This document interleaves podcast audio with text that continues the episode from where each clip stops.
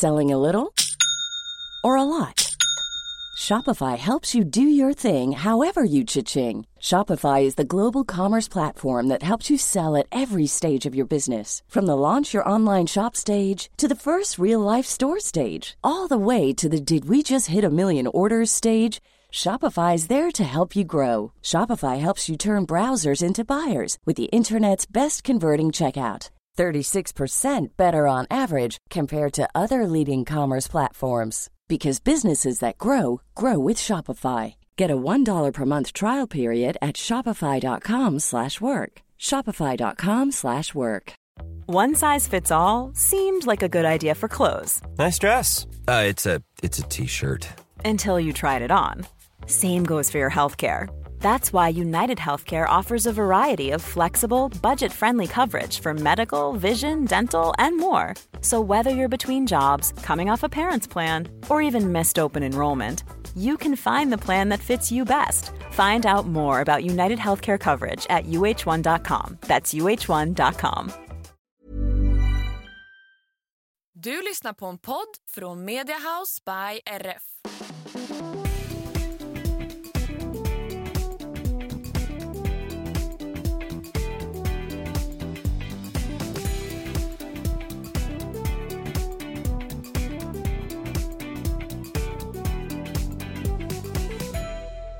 Hej allihopa och välkomna till systrarna Elfstrands hästpodd avsnitt 156. Tjenare, tjenare. Jag som pratar nu heter Anna. Och jag heter Emma och det här är podden om våra fyra hästar och ridsporten i stort och smått.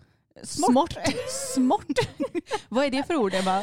Kanske något norskt ord, jag vet inte. Kanske. Vi får googla vad det kan betyda. Hur mår du idag? Jo men jag mår bra. Idag så skiner ju solen ute och det har ju inte varit mycket av den varan nu i vinter, precis som det brukar vara, åtminstone här på Slätta.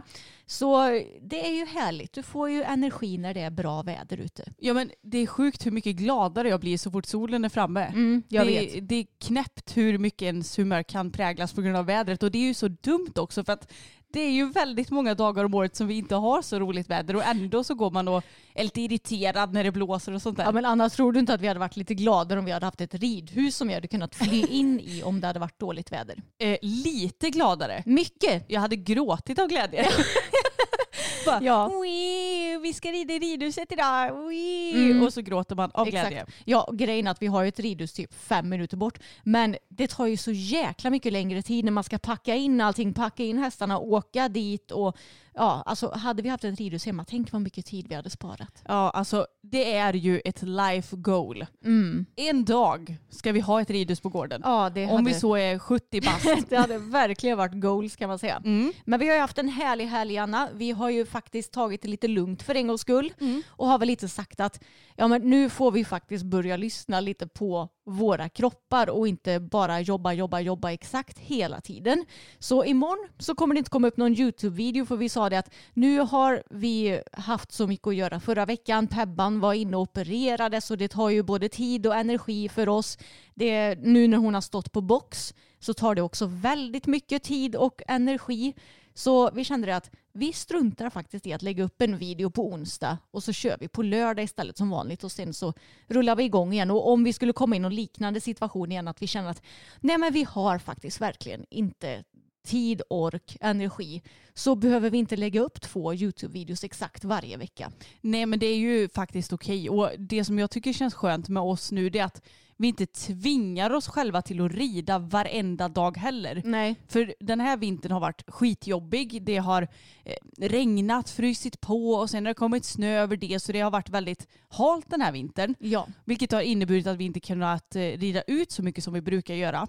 Och då blir det ju att ja, men vi kan ju inte bara hå- hålla på och harva runt i ridhuset hela tiden. Nej. Åka till ridskolan varenda dag. Så då blir det ju snarare att ja, men de får lite sådär ridas i ridhuset, något uteridspass i veckan och så får de vila lite däremellan. Mm. Och jag tänker också att våra hästar går ju ganska mycket vanligtvis så att jag tror inte att de far illa av att inte rida så mycket just nu. Nej, och i synnerhet inte eftersom de går ute dygnet runt också Ja. och rör sig i hagen och sådär. Så eh, vi har helt enkelt varit bättre på att släppa kraven lite nu det senaste. Ja men faktiskt, det känns skönt. Eller Ja. rida så mycket, de rids ju fortfarande Ja, en hel del. Men ni förstår nog vad jag menar. Det är inte så här, Nej, annars är ju vi sådana att vi, vi, vi rider våra hästar sex dagar i veckan och tummar liksom inte på det så länge inte någon eh, går och bryter benet typ. Nej men, alltså typ lite så. alltså.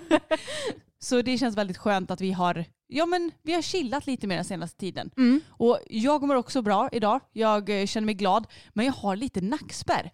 Det roliga Ja. är att när jag får nackspärr så brukar jag bara känna av det i nacken. Men nu om jag vrider nacken åt ena hållet så drar det i mitt skulderblad. Så du får kanske använda din muscle pain på mig sen. Ja, jag köpte en massagepistol som Mm. vi har använt lite på varandra och jag på mig själv brukar ta den på mina ben i soffan på kvällarna. Tycker det är skönt och avslappnande. Jag tänker att man sover säkert bättre också om inte musklerna är så spända. Så jag kan ta den på din nacke och du sa att du kände att du satt fast lite i något skulderblad va? Mm, precis. Men jag tycker det är så kul med de här massagepistolerna för de heter ju ofta så roliga saker. Muscle pain, det låter så, jag vet inte, Terminator Ja, typ. jag fick upp en Facebook-annons på den jag köpte. Den heter ju Muscle Pain om ni är sugna på en likadan. Den har typ sex olika munstycken. Är väldigt bra, jag kan inte klaga för någonting. Den är väldigt enkel att använda. Och den kostade normalt sett 2 5 men jag köpte den för 1 5 för att det var kampanjpris. Och då när jag sa det till mamma att mamma vet du vad jag har köpt? En massagepistol och sån. Nej skojar du, det har jag också gjort. Men hon hade ju då inte köpt en sån som jag utan hon hade köpt någon för typ 300-400 kronor. Och då pekade hon på mig och skrattade och sa ha ha ha du har blivit lurad för att jag hade köpt för så mycket pengar. Nej Då. men gud! Undrar om hennes är lika bra. Har du Det- provat den? Nej, men jag tror inte det. Alltså Nej. jag tänker att det är väl oftast lite så att du får vad du betalar för. Det finns ju massagepistoler som är eh, säkert bra mycket billigare än min, men som kanske inte är lika bra. Och det kan ju hända att det finns sådana som är mycket dyrare också. Mm. Jag tänker att det finns ju säkert ett mellanting. Det är ju som med allt.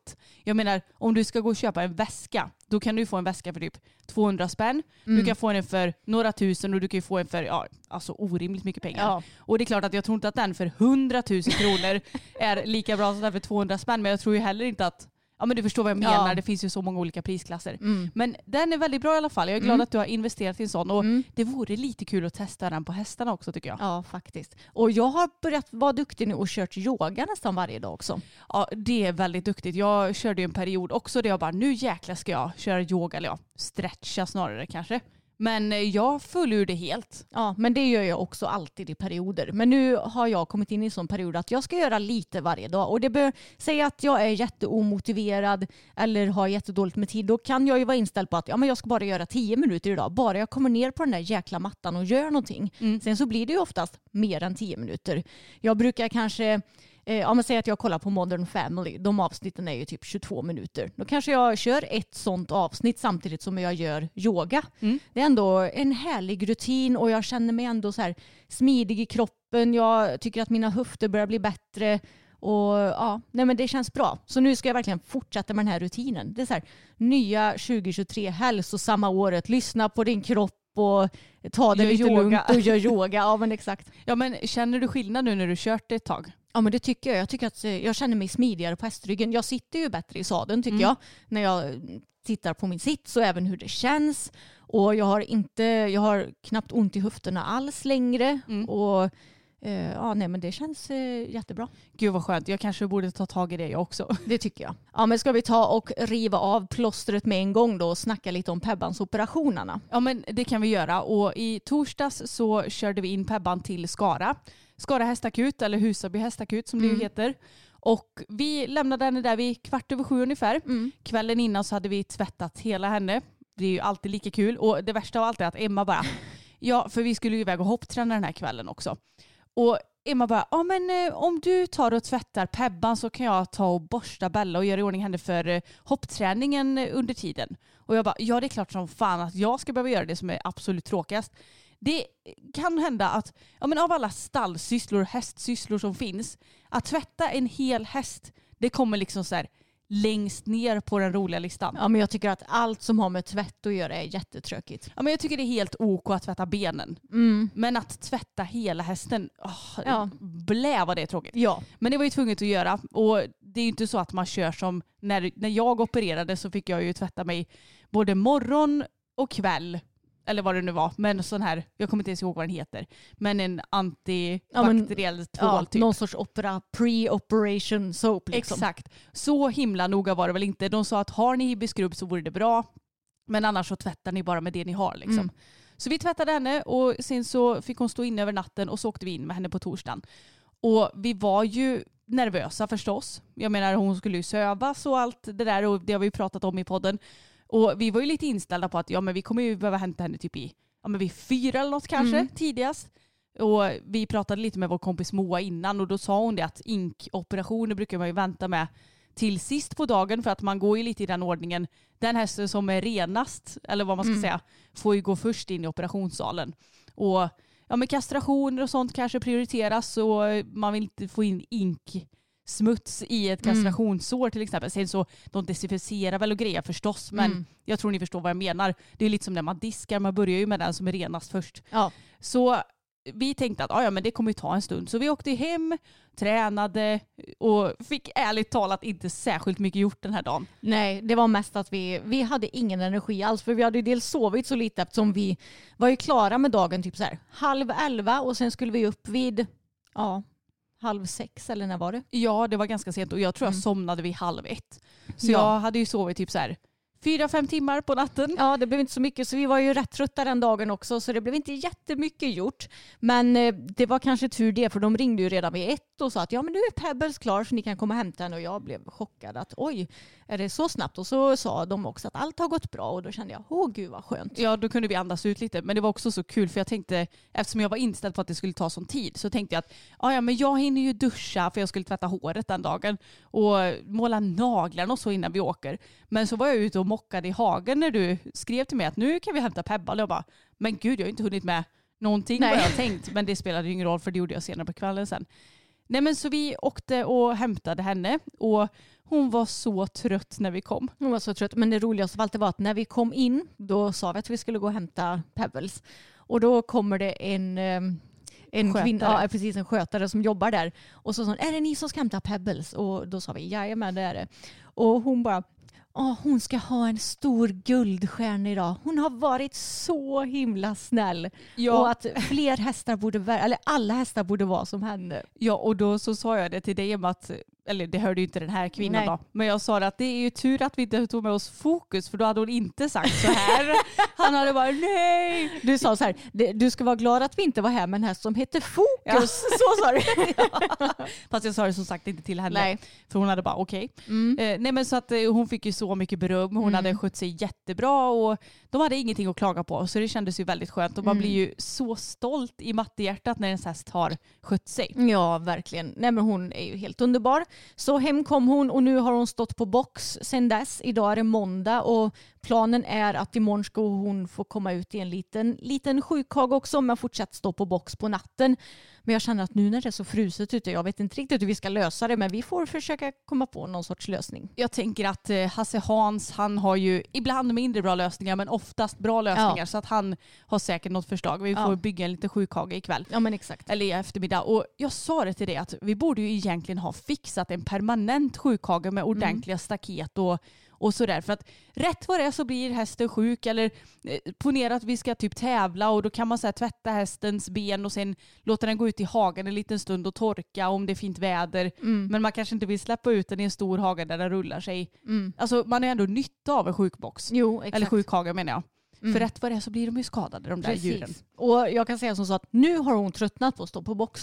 För hon är ju frisk och pigg och glad och är lite frustrerad att ha stått på box nu i några dygn. Men hon är ju så snäll. Hon gör ju ingenting utan hon accepterar det. Men man märker på henne att hon är lite uttråkad. Det är ändå kul att du säger att hon inte gör någonting för att när jag kom ut till stallet i morse så hade jag släppt över Tage till eller jag tog ut Bella, tog in Tage och ställde honom i den boxen som inte någon av dem står i. Och så började jag mocka den boxen som Bella hade stått i över natten. Då så stod Pebban och stegrade lite grann. Jaså? Mm. Mm. Det var inte särskilt högt förstås. Hon, det var alla så här 20-30 centimeter eller något. Mm. Men hon, jag hörde hon bara Hi! Alltså jag hörde att hon tog i typ.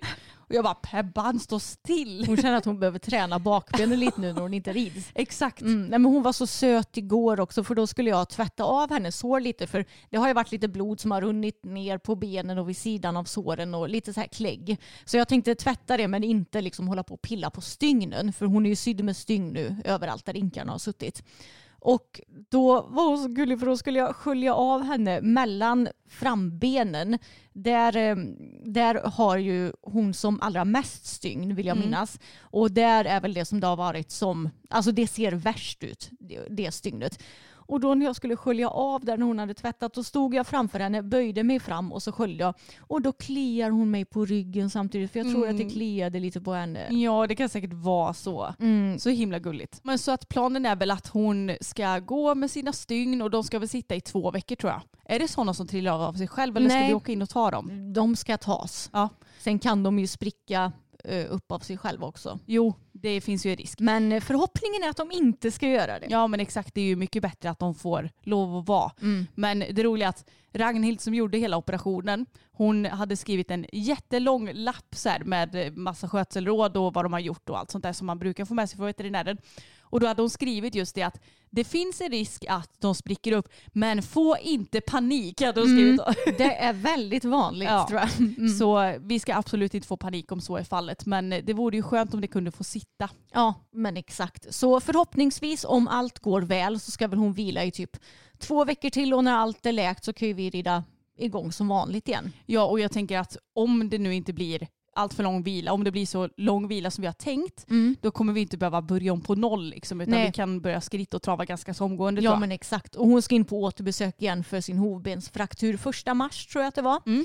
Så efter det får vi se vad veterinärerna säger. Men hon är ju igång nu väldigt fint tycker jag. Och det går ju bara framåt och framåt så det är roligt. Ja och dessutom så red ju jag henne dagen innan vi skulle operera henne.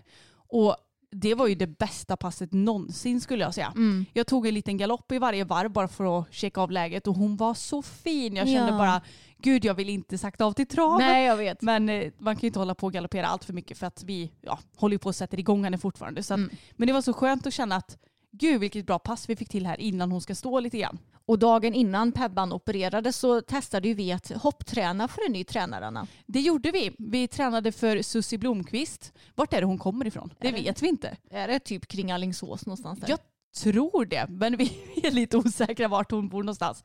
Men det är i alla fall en väldigt duktig kvinna på typ 50 år. Mm. Något sånt där. Tävlar väl själv upp till 1,45. Ja. Och hon är väldigt, väldigt noggrann. Samtidigt som hon eh, ja, men vill att det ska flytta på. Förstår Ja, exakt. Och någonting som jag tyckte var intressant och som inte jag varit med om att någon annan tränare har gjort tidigare, det var att ja, men vi var ju fyra stycken i vår grupp och jag och en till tjej hoppade lite högre och du och en till tjej hoppade lite lägre. Och då var ju Susie så smart så då fick ju du och den tjejen som hoppade lägre, ni fick hoppa fram, eller vad man ska säga, på några hinder och så fick jag och den andra tjejen hoppa fram på andra hinder. Och när jag säger hoppa fram så menar jag att vi red ju lite linjer i början och små minibanor och då red ju inte vi samma. Och sen i slutet så hoppade vi istället samma bana och det var ju väldigt smidigt för då behövde vi inte hålla på och höja och sänka hindren och sånt där som tog tid. Nej, och, Och då, det, då känner jag bara, varför har ingen gjort så här tidigare? Nej, det finns det ju säkert fler tränare som gör det men jag har aldrig varit med om det förut i alla fall. nej, men det är verkligen samma här. Utan då ska det hålla på och höjas och sänkas och då kanske man, det tar ju lite tid däremellan. Ja, Och det som kändes skönt för egen del det är att ja, men, man vill ju aldrig känna sig som en stoppkloss i gruppen. Det finns ju alltid anledningar till varför någon häst eh, krånglar eller eh, att man vill hoppa lite lägre. Ja men du förstår. Och då är det väldigt lätt att känna sig som att man är i vägen för de som flyter på lite mer. Så känner jag i alla fall när det krånglar för mig. Men nu kände jag att gud vad skönt, det flyter ju ändå på trots att jag och en till tjej hoppar lite lägre. ja. Så det var så himla bra. Och det som Susi var noga med det var att ja, men för min och Fokus del att jag skulle ha en bra galopp innan hindren. Så jag fick lägga lite volter ibland för att få igång galoppen innan första hindret jag styrde på. Och sen så var hon väldigt noga med att man skulle fortsätta att galoppera efteråt också. För att Fokus och jag, vi är lite likadana där. Att när vi har hoppat klart sista hindret, ja men då är det lätt att bara sakta av till skritt och klappa om och vara nöjd där. Men hon sa att ja men jobba galoppen nu, gå in på en volt, eh, korta ihop galoppen lite, längd galoppen lite, korta ihop galoppen lite så att du får kontroll på det hela innan du bryter av och klappar om honom. Och det var väldigt bra för det kändes som att då får man ju lite mer flyt i det hela och inte bara så nu har vi gjort klart. Alltså jag är ju lite sån, Mm. yes då var det avklarat, hej då. Ja, men fokus var ju lite yvig på den här träningen. Det kan man minst sagt säga. Huvudet det var överallt och ingenstans. Ja, Och det är ju väldigt svårt för att han är ju en sån häst. Jag tror att det säkert är lite sådär eh, stressgrej som han gör fortfarande efter att, jag menar när jag köpte honom så kunde han ju inte hoppa. Nej, och nu har du ju knappt hoppat något det senaste heller. Nej precis, så att det är ju lite i början igen av vår hoppkarriär tänkte jag säga. Så att det är ju vad det är. Men det blir lite distraherande för mig när han ett, två språng innan bara flaxar upp på huvudet, sen galopperar ett språng till och hoppar hindret. Men det är liksom inte så mycket att göra. Nej, det är bara att sitta där och se glad ut. Typ så. Så det var väldigt, en väldigt bra träning. Och Ja. det som jag tyckte var nästan allra bäst är att innan som jag har tränat för tränare så har de varit så här att ja men nu ska du hoppa det och det hindret och sen är det bra. Men Susie nöjde sig inte när jag, ja men jag kom lite tight på en oxer till exempel och sen så blev det lite knasigt på ett annat hinder och då var hon så här ja men nu kommer du en gång till så att man verkligen inte nöjer sig förrän det är bra. Det tyckte Mm. jag var jättebra. Ja, jättebra. Och Bella hon var superfin på den här träningen. Jag tror jag har sagt tidigare att jag, eftersom jag inte har hoppat så mycket och att hon har varit så fin i dressyren så har jag varit mer taggad till dressyrtävlingar nu. Men nu var ju hon så himla fin på hoppträningen så nu känner jag mig lika taggad på både dressyr och hoppning. Ja men hon var så sjukt fin den här Ja, träningen. jättefin. Vi fick så himla fint flyt. Hon hoppade så fint och hade, hon var fint framme för skänken. Jag tyckte inte att hon gled så mycket inåt som hon kan Nej. göra. Och, nej, men jag fick mycket beröm av Susie för att jag använde galoppen på rätt sätt och att det var rytmiskt och fint. Så det var roligt och jag har ju kommit till en insikt också i hoppningen. Och det är att jag har provat nu att korta mina läder ett hål och då tycker jag att jag får till sitsen bättre. Jag får en stabilare skänkel, jag känner mig stadigare och mer balanserad. Så jag tror att jag kanske har ridit med lite, lite för långa läder tidigare. Men det är så himla svårt det här med läderlängd överlag, både när det kommer till hoppning och dressyr tycker jag. För att ja, men det finns ju en riktlinje att gå efter. Och ja, men I dressyren ska du ha långa läder och i hoppningen ska du ha korta. Men man får ju gå efter vad man själv trivs med. För vissa trivs inte med att ha jättekorta stigläder i hoppning. Medan andra trivs jättebra med det. Man får prova sig fram lite. Ja, och jag vet när jag tränade för Fredrik Hasselberg då sa han ju det att försök få till den här svikten i knät. För jag sa ju till honom att jag har ju problem med min skänkel eftersom jag är så kobent och jag är Ja, men jag har korta hälsenor och kort baksida och sådär. Men det hjälpte verkligen att korta lädern i ett hål för då fick jag till den här svikten mycket bättre. Däremot så inser jag ju att det blir också jobbigare för quadsen, alltså framsida lår. Ja. Och när jag ska stå upp i lätt sitt och ha kortare läder. Så nu ska jag lägga ändå lite mer fokus på det på gymmet känner jag så att jag ska bli ännu stabilare. Ännu mer framsida lår på gymmet helt enkelt. Ja men jag tänker Mm. det. Så det var väldigt roligt. Nu känner jag mig peppad på tävling med Bella. Nu ska vi se nästa fredag blir det hopptävling. Och nu på söndag blir det dressyr. Exakt, det blir det. Och vi var ju och tränade i Bodils ridhus igen i lördags. Det var vi och det var väldigt skönt för att sist så var ju fokus ganska spänd. Det blåste en del och ja, men det var mycket nytt att titta på. Men den här gången var han så mycket mer koncentrerad. Och det blåste ju typ ingenting. var rätt så kallt den här Ja. gången också. Det var det. Men eh, han skötte sig skitbra och vi fick ju till väldigt många fina byten den här gången också. Men det är så störigt när, man, när det blir lite, lite fel. Och jag blir så här bara, men för fasiken Anna, hur svårt ska det vara att göra rätt? Ja men det är ju som med byten. Det är ju så himla mycket timing. Du måste göra exakt rätt för gör du minsta lilla fel så kanske hästen antingen fattar den inte att den ska byta alls eller så byter den för dig fram eller dig bak. Du måste vara så himla tydlig. Ja. Och så är det ju precis med Bella också. Hon eh, har ju egentligen, hon byter ju oftast galopp rent. Det är ganska så sällan när jag rider dressyr och sitter ner och jobbar ordentligt som hon byter för dig fram till exempel. Men ibland så byter hon ju inte alls och då är det ju jag som har ridit på något knasigt vis. Ja. Men jag fick också till bytena riktigt bra. Jag tror det var bara en gång som jag inte fick till bytet. Och med henne så tänker jag lite så här kvalitet före kvantitet. Och det är nog kanske egentligen mest för min egen skull för jag vill få in så mycket bra känsla och bra byten i min kropp. Och jag tänker att det är onödigt att hålla på och traggla med någonting som ändå går bra för dagen. Ja men det har du faktiskt rätt i och Mm. jag tänker att jag tror att du är lite mer van vid byten också med tanke på att du red det en del på boppen. Mm. Och du vet ju kanske lite mer hur man gör än vad jag gör. Mm. För jag menar jag har ridit Tage i alla år och han kan inte byta galopp. Nej, bara om man står upp i lätt sitt så Ja. typ byter varv. Ja men exakt och då gör han ju det typ av sig själv. Det är Ja. inte så att man gör en galoppombytes hjälp utan Nej. han gör det när han känner sig redo typ. Ja men exakt. Så jag tror att du ändå har lite det mer tankat i din kropp. Jag behöver ju mer tanka hur tusan jag ska göra. Mm. För fokus gör ju rätt när jag gör rätt. Ja. Så det är ju ändå en skön känsla att känna att det är inte så krångligt nu. Och sen behöver han väl bli lite, lite starkare också för att det ska bli rent Mm. alla gånger. Ja, det, ja. Så är det ju. Men det börjar ändå bli bättre. Och något som känns mycket, mycket bättre nu det är ju överstrykningen i galopp. ja, den har blivit jättemycket bättre på bara typ en gång. Jag är så förvånad. För visst, nu har jag ju tränat en del på det. Men innan så var det ju så här, för överstrykning är att man ska lägga fram sin hand väldigt, väldigt långt. Mm. Alltså nästan luta sig framåt så att tygen blir helt slak. Ja, glappar. Ja, och när jag gjorde det innan tog fram handen då blev jag så här bara vad tusan gör du? Och så slängde han upp huvudet där och jag bara så det kan du inte Nej. göra på tävling herr häst för då får vi inga bra betyg. Mm. Men helt plötsligt så bara jag tror jag gjorde en tio överstrykningar den här Mm. dagen och ingen gång att han Nej. flängde med huvudet eller sänkte. Han gick kvar i form, vilket Mm. de ju ska. Och jag kunde ja, men, få fram min hand på ett Ja. naturligt sätt. Kändes så skönt. Ja men det var jättebra. Och Bella kändes bra också. Jag tycker att nu får jag till bågarna mycket bättre. Mm. Eh, halvcirklarna över medellinjen, eller man ska säga, när man rider öppna halvcirkel, nästa öppna.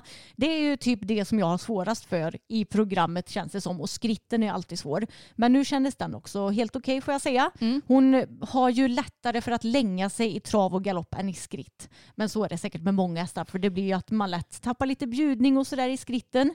Men galoppprogrammet känns jättebra. Sen har vi lite grundproblem som inte löser sig på en gång. Till exempel att när jag rider på fyrkantsspåret i galopp vill hon gärna skjuta in rumpan i båda varven. Mm. Och när det är ökad galopp är ju det typ det allra första på långsidan i medels B. Då är det inte så lätt att både öka galoppen och få henne rak. Så jag tänker att jag får fortsätta jobba vidare på det. Men hon känns bra. Hon känns inte riktigt lika bra som hon gjorde för ja, men ett par månader sedan när hon var i toppform. Nu är hon fortfarande lite, lite tung och känns lite, lite loj i dressyren. Även om jag tycker att det har blivit bättre nu den senaste veckan. Men jag tror att det har att göra med att hennes päls den förbereder sig på att eh, ja, men byta till sommarpäls helt enkelt. Och då kan många hästar bli lite ja, men kännas lite tunga kanske. Så dressyrmässigt, hon är inte helt i hundraprocentig formtopp, men hon gör alltid sitt bästa ändå. Och när jag ser på filmen så, alltså när jag rider henne så känns hon nästan lite tung och jag tänker att nej, men nu är hon ju inte tillräckligt ihop i formen för att ja, men rida ett medels B1-program. Men så tittar jag på filmen och bara, ja, okej, men det ser ändå rätt så bra ut. Ja, men det är ju ofta så att det känns mycket tyngre än vad det är. Och jag tyckte det var lite lustigt för att jag eh, tränade lite på längningar på fokus i traven. För att Mm. jag tycker att det är, det, jag fattar inte det. Kan du förklara för mig hur det kan vara så här? När jag rider en längning i vänster varv, och Ja. då, de flesta travlängningarna är ju på diagonal, Mm. så då rider jag ur hörnet och sen så ut på en diagonal i vänster varv. Mm. Då länger han så fint och det känns så stabilt och det känns mjukt och jag har inga bekymmer med någonting.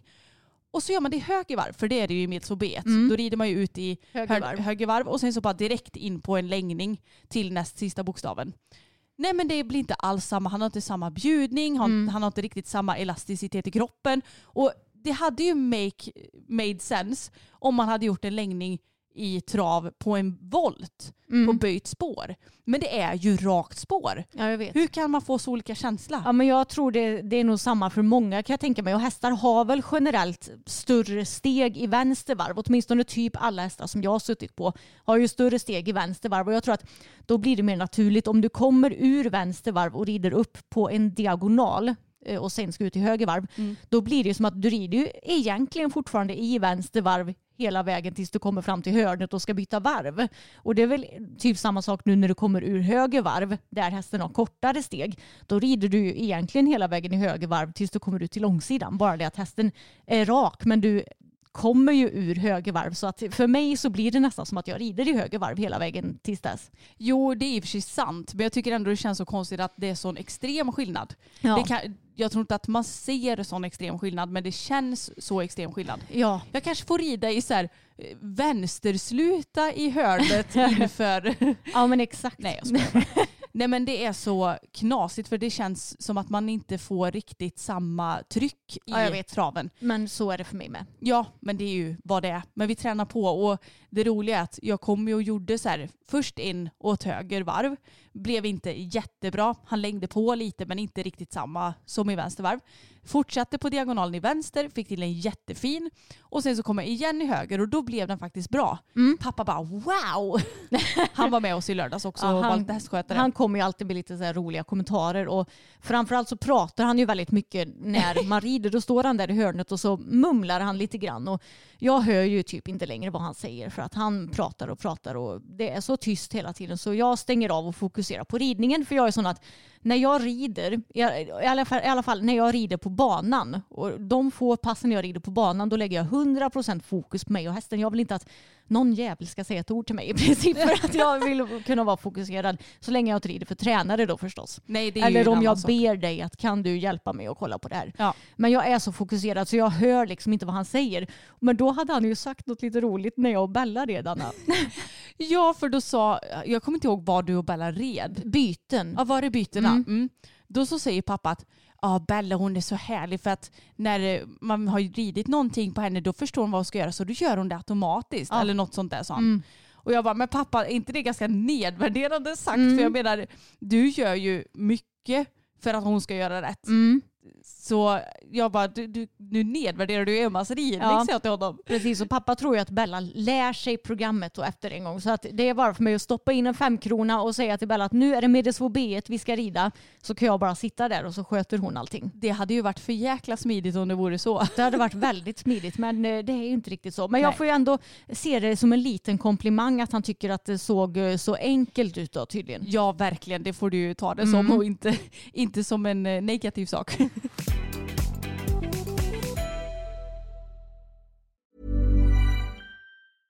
Hey, I'm Ryan Reynolds. Recently, I asked Mint Mobile's legal team if big wireless companies are allowed to raise prices due to inflation. They said yes. And then when I asked if raising prices technically violates those onerous two year contracts, they said, What the f are you talking about, you insane Hollywood ass? F- So to recap, we're cutting the price of Mint Unlimited from $30 a month to just $15 a month. Give it a try at mintmobile.com slash switch. $45 upfront for three months plus taxes and fees. Promo rate for new customers for limited time. Unlimited more than 40 gigabytes per month. Slows. Full terms at mintmobile.com. Ever catch yourself eating the same flavorless dinner three days in a row? Dreaming of something better? Well, HelloFresh is your guilt-free dream come true, baby. It's me, Kiki Palmer. Let's wake up those taste buds with hot, juicy pecan-crusted chicken or garlic butter shrimp scampi. Mm. Hello Fresh. Stop dreaming of all the delicious possibilities and dig in at HelloFresh.com. Let's get this dinner party started.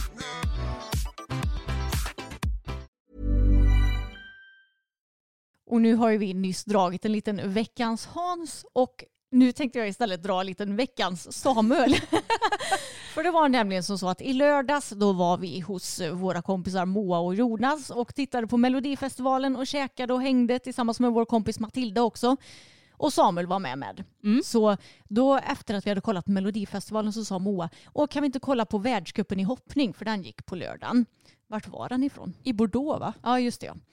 Så då tittade vi och Henrik kom ju för övrigt trea med King Edward. Det var väldigt roligt att se. Men det som var så himla roligt det, det var att när Geir Gulliksen kom in på banan och red, då, ja men för er som inte vet vem Geir Gulliksen är, han är väl runt 60 va? Ja men typ 62, 64. Ja. Se- 60 plus gammal man. Han måste rida med säkerhetsväst för att han har en ryggskada så han får typ inte ramla av.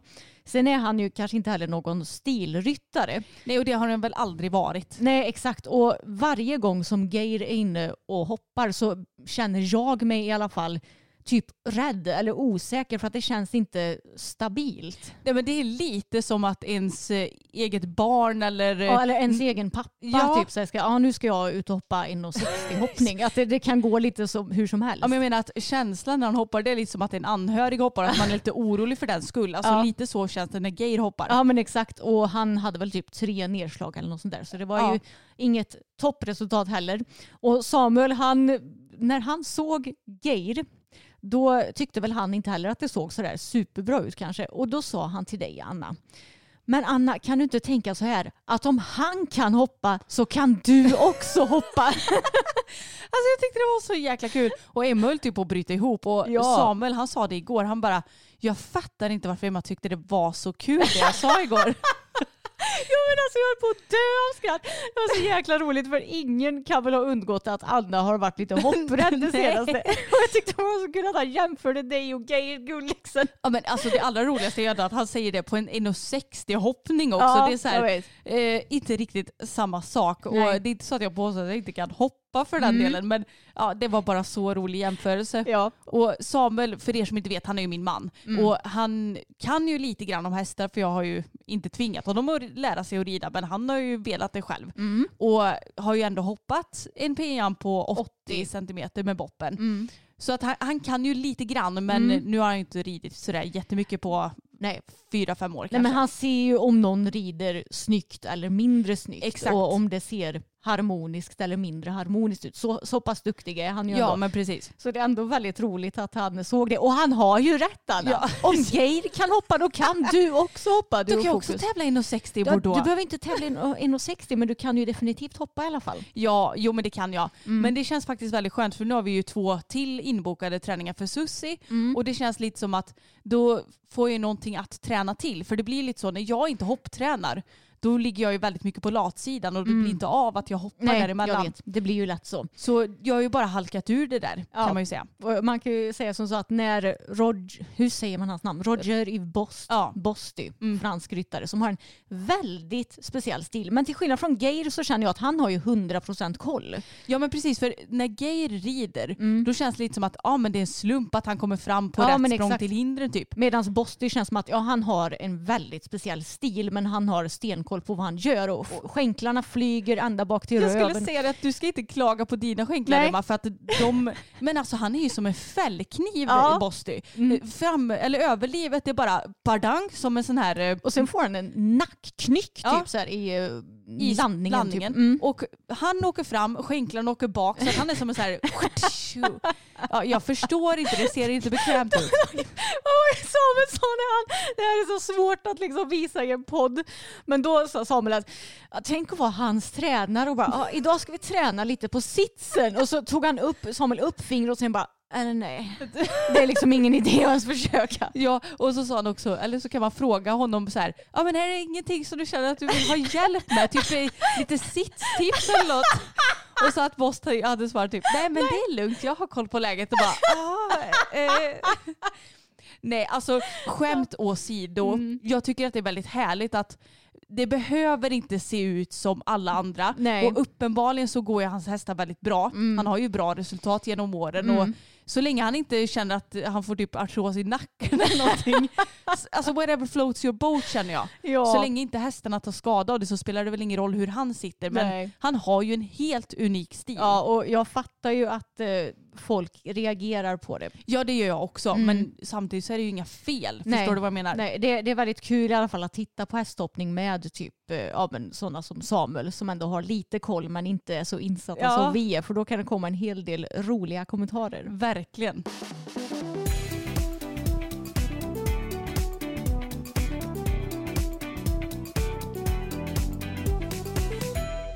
Ja, nu är det ju vinter i allra högsta grad, även om vi har gått in i februari månad. Och förr i tiden så hade vi ju både Boppen och Tage helt oskodda.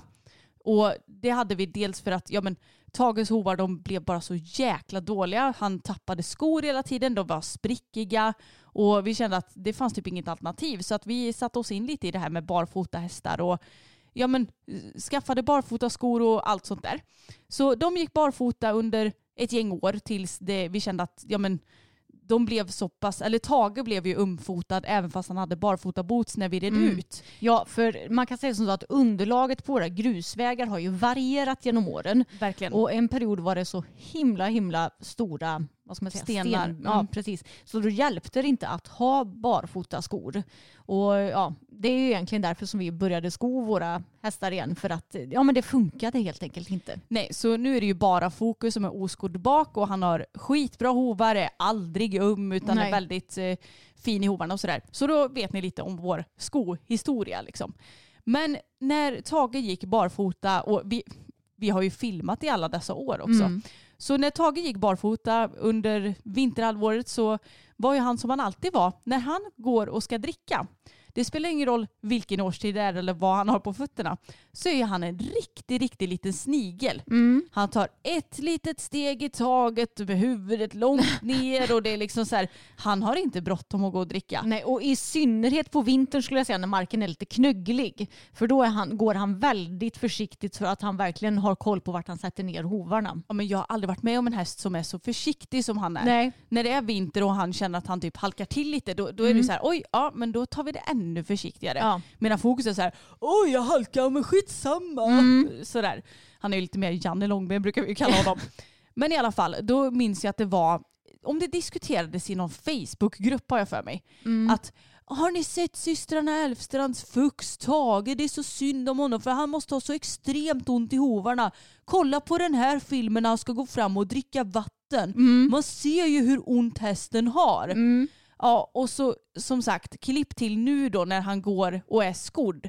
Han går ju exakt likadant. Och som sagt, han går likadant om det är väldigt, väldigt mjukt i marken och nästan lite lerigt. Vi får inte så lerigt hemma men ni förstår vad jag menar. Han går likadant när det är sommar, Ja. när det är vår, när det är höst, när det är vinter. Han har då inte ont. Men vi plågar ju våra hästar Anna. Ja men det gör, vi gör ju det. Plågar stackars Tage. Ja, ja. Han ska gå barfota.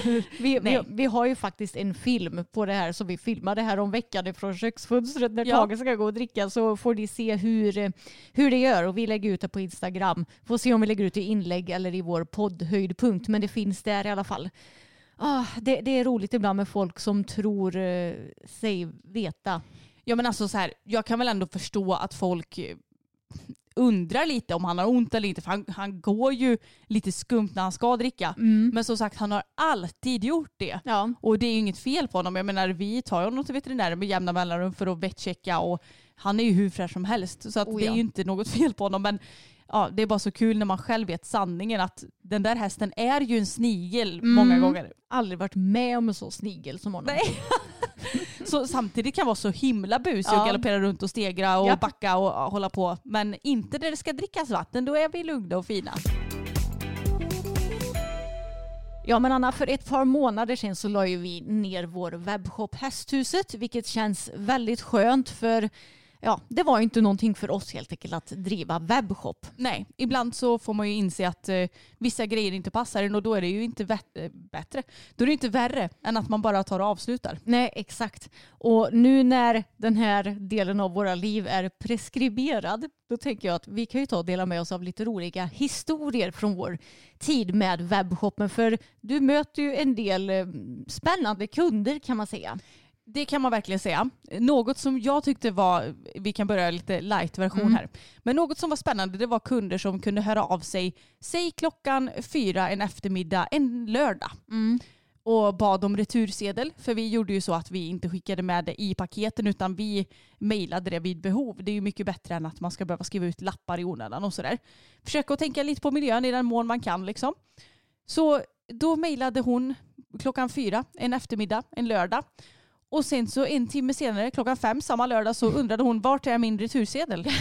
jag bara, men snälla, tror du att vi sitter vid datorn exakt alla timmar om dygnet, även helger? Då har du fel. Det skrev jag inte förstås, utan jag skrev ju till henne så fort jag kunde på måndag morgon sen och skickade retursedeln. Men det är ändå kul att folk jag, jag, jag tycker också det är så lustigt för att jag skulle ju aldrig säga att jag beställer från Bubble Room.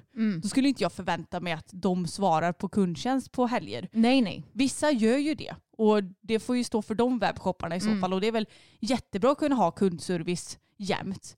Men det är ju också så att det är människor som jobbar. Ja. Då får man ju inse att de också är lediga ibland. Ja, exakt. Så det finns ju dels de kunder som tänker att de ska få hjälp liksom alla tider på dygnet året om.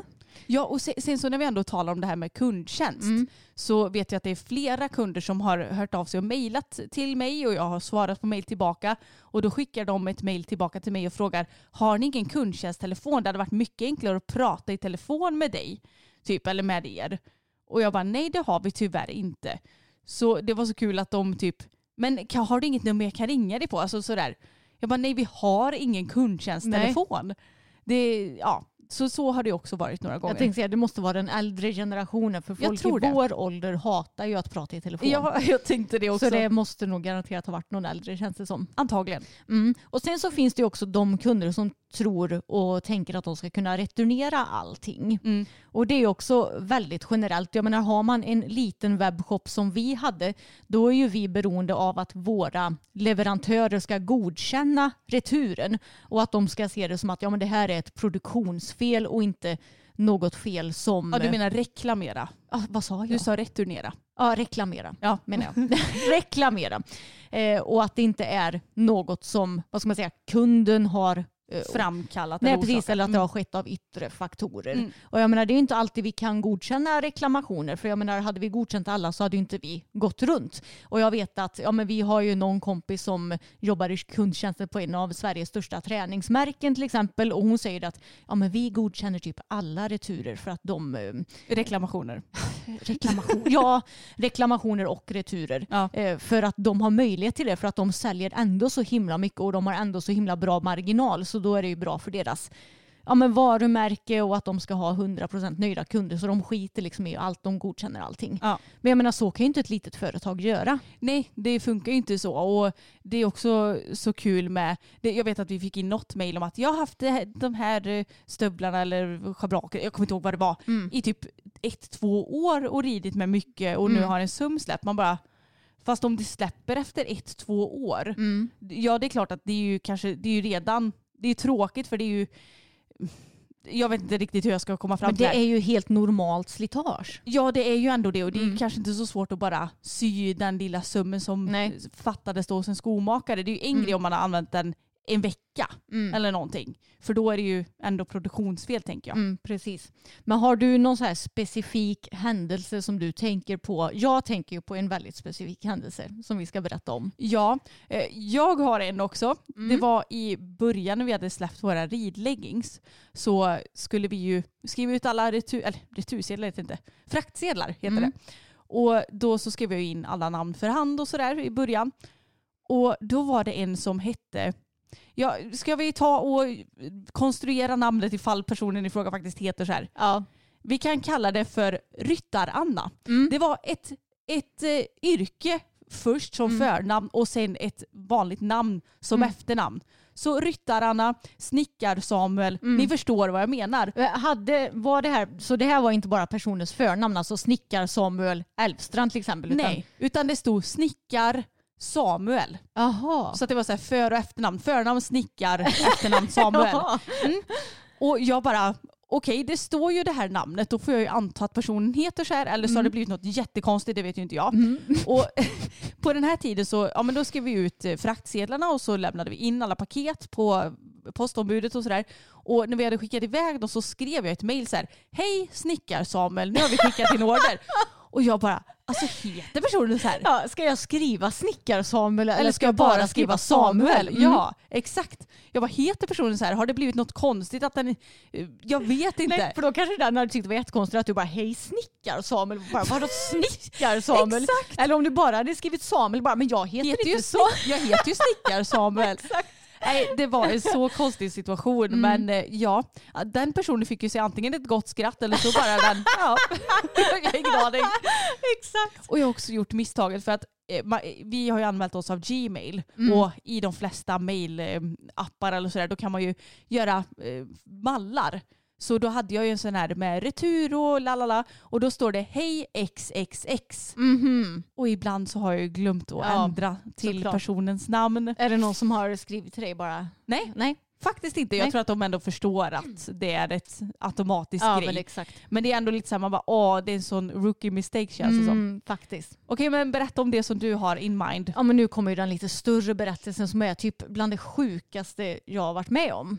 Och då var det en person, ett par, ja, det är ytterst oklart, som hade beställt ett par ridleggings och sen så ville hon returnera dem var det va? Mm. Och vi använde oss av Postnord när vi skickade våra leggings för att eh, vi skickade ju resten av produkterna från våra leverantörer i Danmark och sen leggingsen ifrån oss. Och då sa vi jajamän det går bra och så skrev vi ut en retursedel och skickade till henne via mail.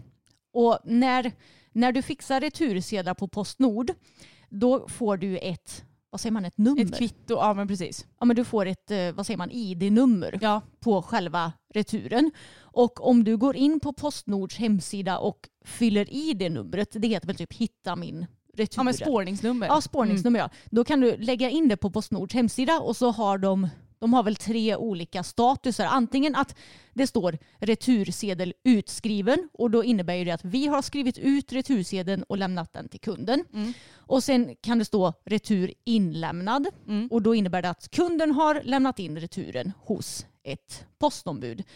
Eller returen skick, eller Returen avklarad eller, Ja, eller att ja, den men har precis. hamnat hos oss. Liksom. Precis, men vi kan ju i alla fall se väldigt tydligt om kunden faktiskt har lämnat in returen Mm. till Postnord eller inte. Och det kan ju också vem som helst se bara man söker på det numret. Men i alla fall, då hade vi skickat den retursedeln till kunden. Och sen så tänkte vi inte mer på det för att det är ändå relativt ofta som vi har skickat retursedlar till folk och sen har de ändå inte skickat tillbaka produkten. Och då gör vi ju inget åt det ja, men tills den kommer tillbaka eventuellt. Ja exakt.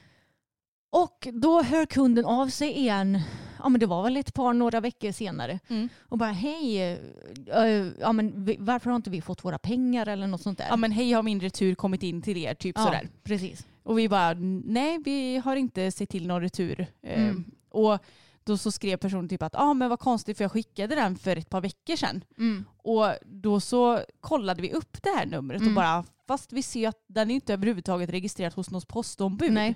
Och då sa vi också, kan du lämna eller skicka kvittot? För att du får ju alltid ett kvitto när du har lämnat in något hos ett ombud. Mm. Men då hade ju kunden såklart inget kvitto Nej, nej för hon, hon skrev typ att nej jag fick inget kvitto eller något sånt Mm. där va? Och man får ju alltid, alltid, alltid ett kvitto när Mm. du lämnar in ett, eh, ett paket. Mm. Oavsett om du ska returnera någonting eller om, du ska, om jag ska skicka något till dig. Det spelar Mm. ingen roll vad. Och vi höll ju på att mejla fram och tillbaka till Postnord också. Mm. Bara har ni fått ett paket med det här numret? Och de bara nej det har vi inte. Nej, och, och det fanns, eh, det fanns inget i borttappade paket också för det Mm. kan det ju finnas också hos Postnord att de, eh, ja, men de har paket och det stämde liksom inte överens eh, med någonting som de hade där heller. Nej, precis. Och ma- man ska ju säga det att Postnord har ju inte världens bästa rykte så det är klart att shit happens Mm. ibland. Precis. Men vi hade ju alla bevis för att det, inte, det var inget paket som var inlämnat Nej. överhuvudtaget. Precis. Och det slutade ju med att alltså, de, den här kvinnan, de hotade ju både oss på mail, var väldigt hotfulla. Och det hade de ju tydligen varit mot Postnord också för Mm. hon hade ju haft kontakt med Postnord med.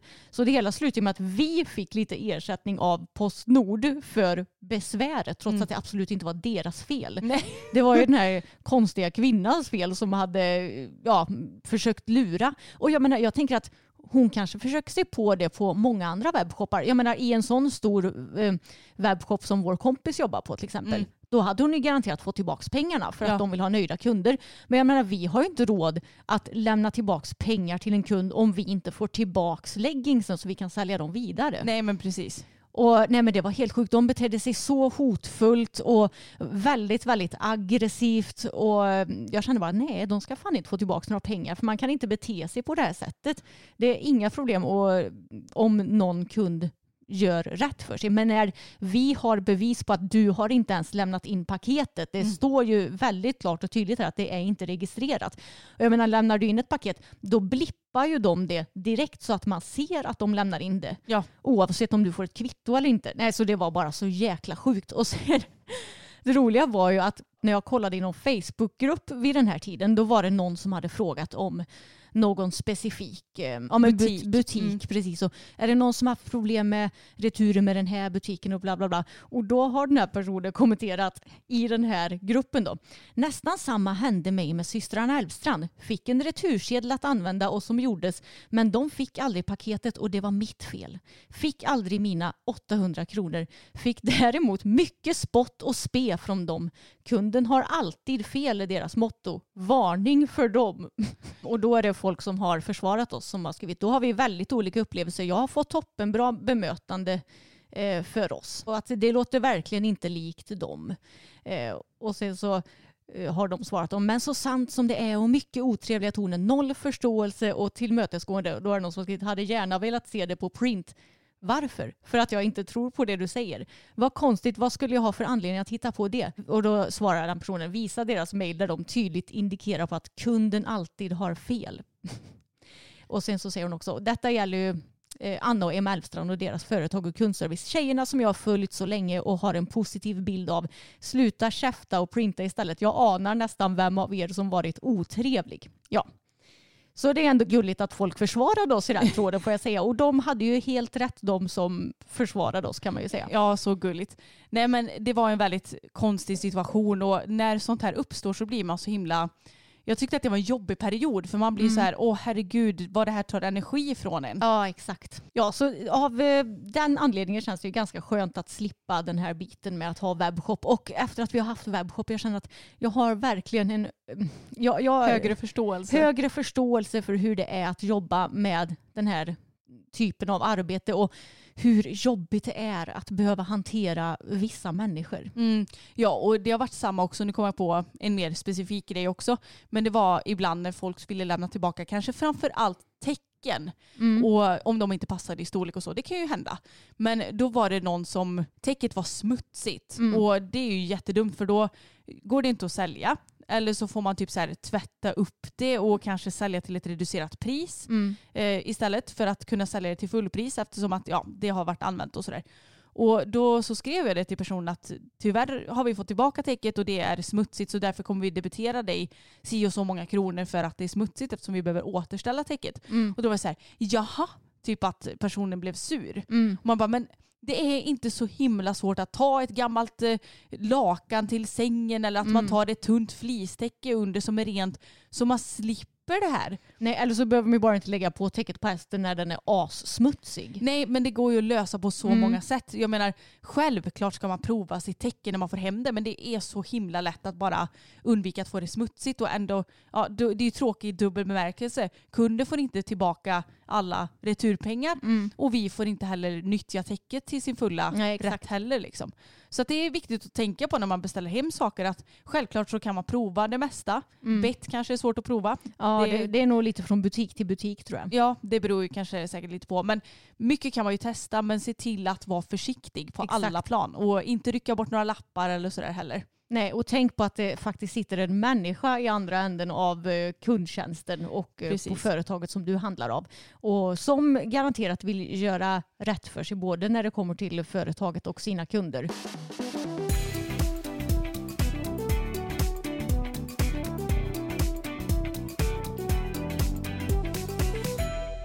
Och jag tänkte att vi tar och avslutar det här avsnittet med en krönika tror jag att det är på tidningen Ridsport som heter Ridsporten har ett enormt strukturellt problem. Som My Jeppsson Lindqvist har skrivit. Och jag tänker att jag tar och läser upp den. Ridsportens ursäktande attityd mot de män som begår övergrepp är i sig ett enormt strukturellt problem. Vad hade hänt om en mattelärare skulle gå ut i en P1-dokumentär och berätta att han har haft relationer med flera minderåriga elever? Tror ni att han hade fått fortsätta som lärare? Tror ni att han skulle ha en fanclub av föräldrar som skulle betalat dyrt för att just denna fantastiska mattelärare skulle vara ensam med deras minderåriga döttrar? Nej, antagligen inte. Generellt inom vår sport finns en enorm stolthet för hur vi fostrar ledare och ungdomar som tidigt lär sig ta ansvar. I synnerhet när det gäller unga flickor. Det är alldeles sant, men de senaste åren har den mörka baksidan med de strukturella hierarkierna alltmer börjat granskas i sömmarna. De strukturer som under decennier tillåtit att män kunnat utnyttja väldigt unga tjejer har nu strålkastarljuset på sig. Strukturer har möjliggjorts genom att tjejerna tidigt lärt sig att jobba, ta i med kroppen som verktyg, inte gnälla och att ens värde ligger i vem du jobbar hos, vilka hästar du rider och hur mycket du orkar jobba. Det skapas en perfekt grogrund för hur män kunnat missbruka sin makt för att utnyttja många av dessa tjejer sexuellt. Under rättsprocessen och i intervjuer har tränaren som nyligen fick tillbaka sin diplomering, alltså den tränare som jag nämnde förut som har gått ut i en P1-dokumentär och Mm. pratat om sina tidigare relationer med elever, från förbundet uttryckligen sagt att det är helt okej att som 30-åring ha en sexuell relation med sin 15-åriga elev. I mina ögon är en person med de åsikterna inte lämplig som tränare oavsett om vederbörande vunnit i rättsprocessen kring formalian som rörde den indragna diplomeringen. Senaste halvåret har vi kunnat läsa om en ungdomsryttare som stängts av i sex månader och där vi i utredningen, utredningen från juridiska utskottet på Svenska Ridsportförbundet kunnat läsa att ryttaren ansågs ha handlat i och med ungdomligt oförstånd och bristande impulskontroll. Samma tongångar hördes inte minst i sociala medier efter att en annan ungdomsryttare i förra veckan stängdes av och bötfälldes av disciplinnämnden. Detta efter att ryttaren mer eller mindre misshandlat sin häst efter en start som gått dåligt. Många gav i olika kommentarsfält uttryck för att det skulle tas hänsyn till ryttarens ålder. Visst är det märkligt hur det i vissa sammanhang anses att 15-åringar klarar av att ta sitt fulla ansvar över något så stort som sin sexualitet och i andra sammanhang anses inte vuxna människor, 20 och 30-åringar, räknas dit, kunna ta ansvar över hur de beter sig mot andra människor och djur med hänvisning till deras ålder.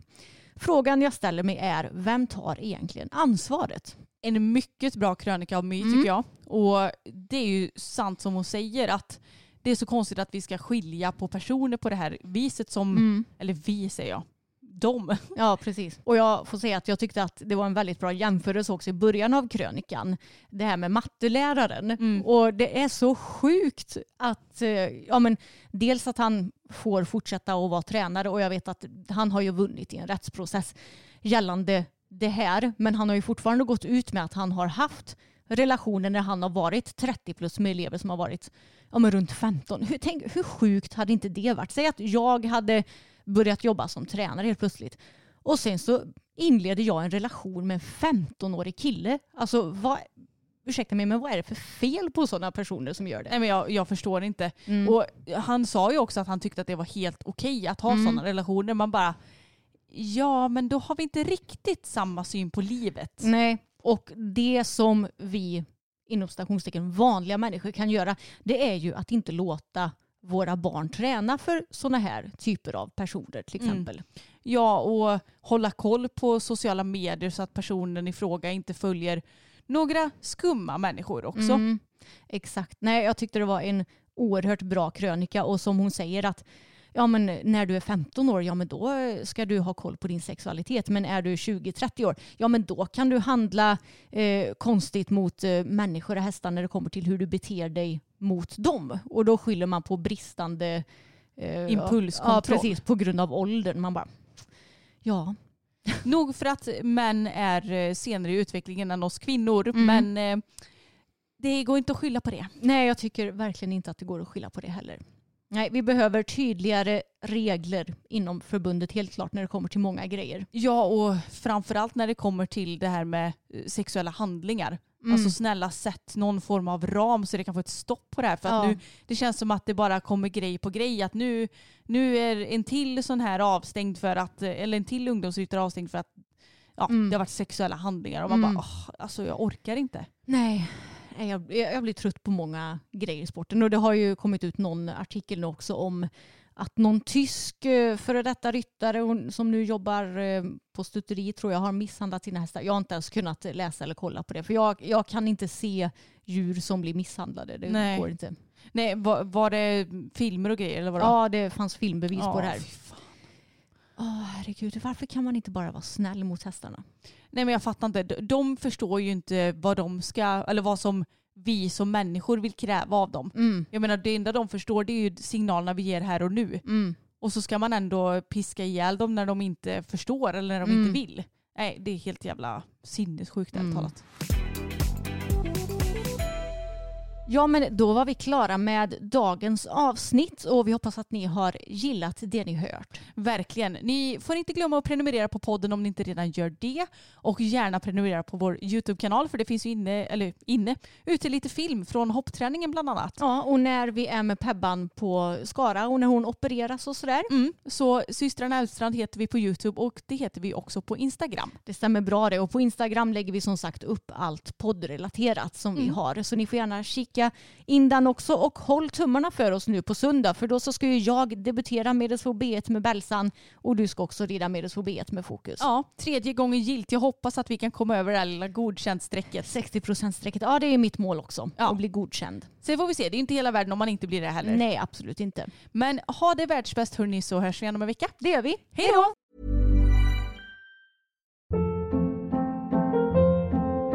Hold up. What was that? Boring. No flavor. That was as bad as those leftovers you ate all week. Kiki Palmer here, and it's time to say hello to something fresh and guilt-free. Hello Fresh. Jazz up dinner with pecan-crusted chicken or garlic butter shrimp scampi. Now that's music to my mouth. Hello Fresh. Let's get this dinner party started. Discover all the delicious possibilities at hellofresh.com. Even when we're on a budget, we still deserve nice things. Quince is a place to scoop up stunning high-end goods for 50 to 80% less than similar brands.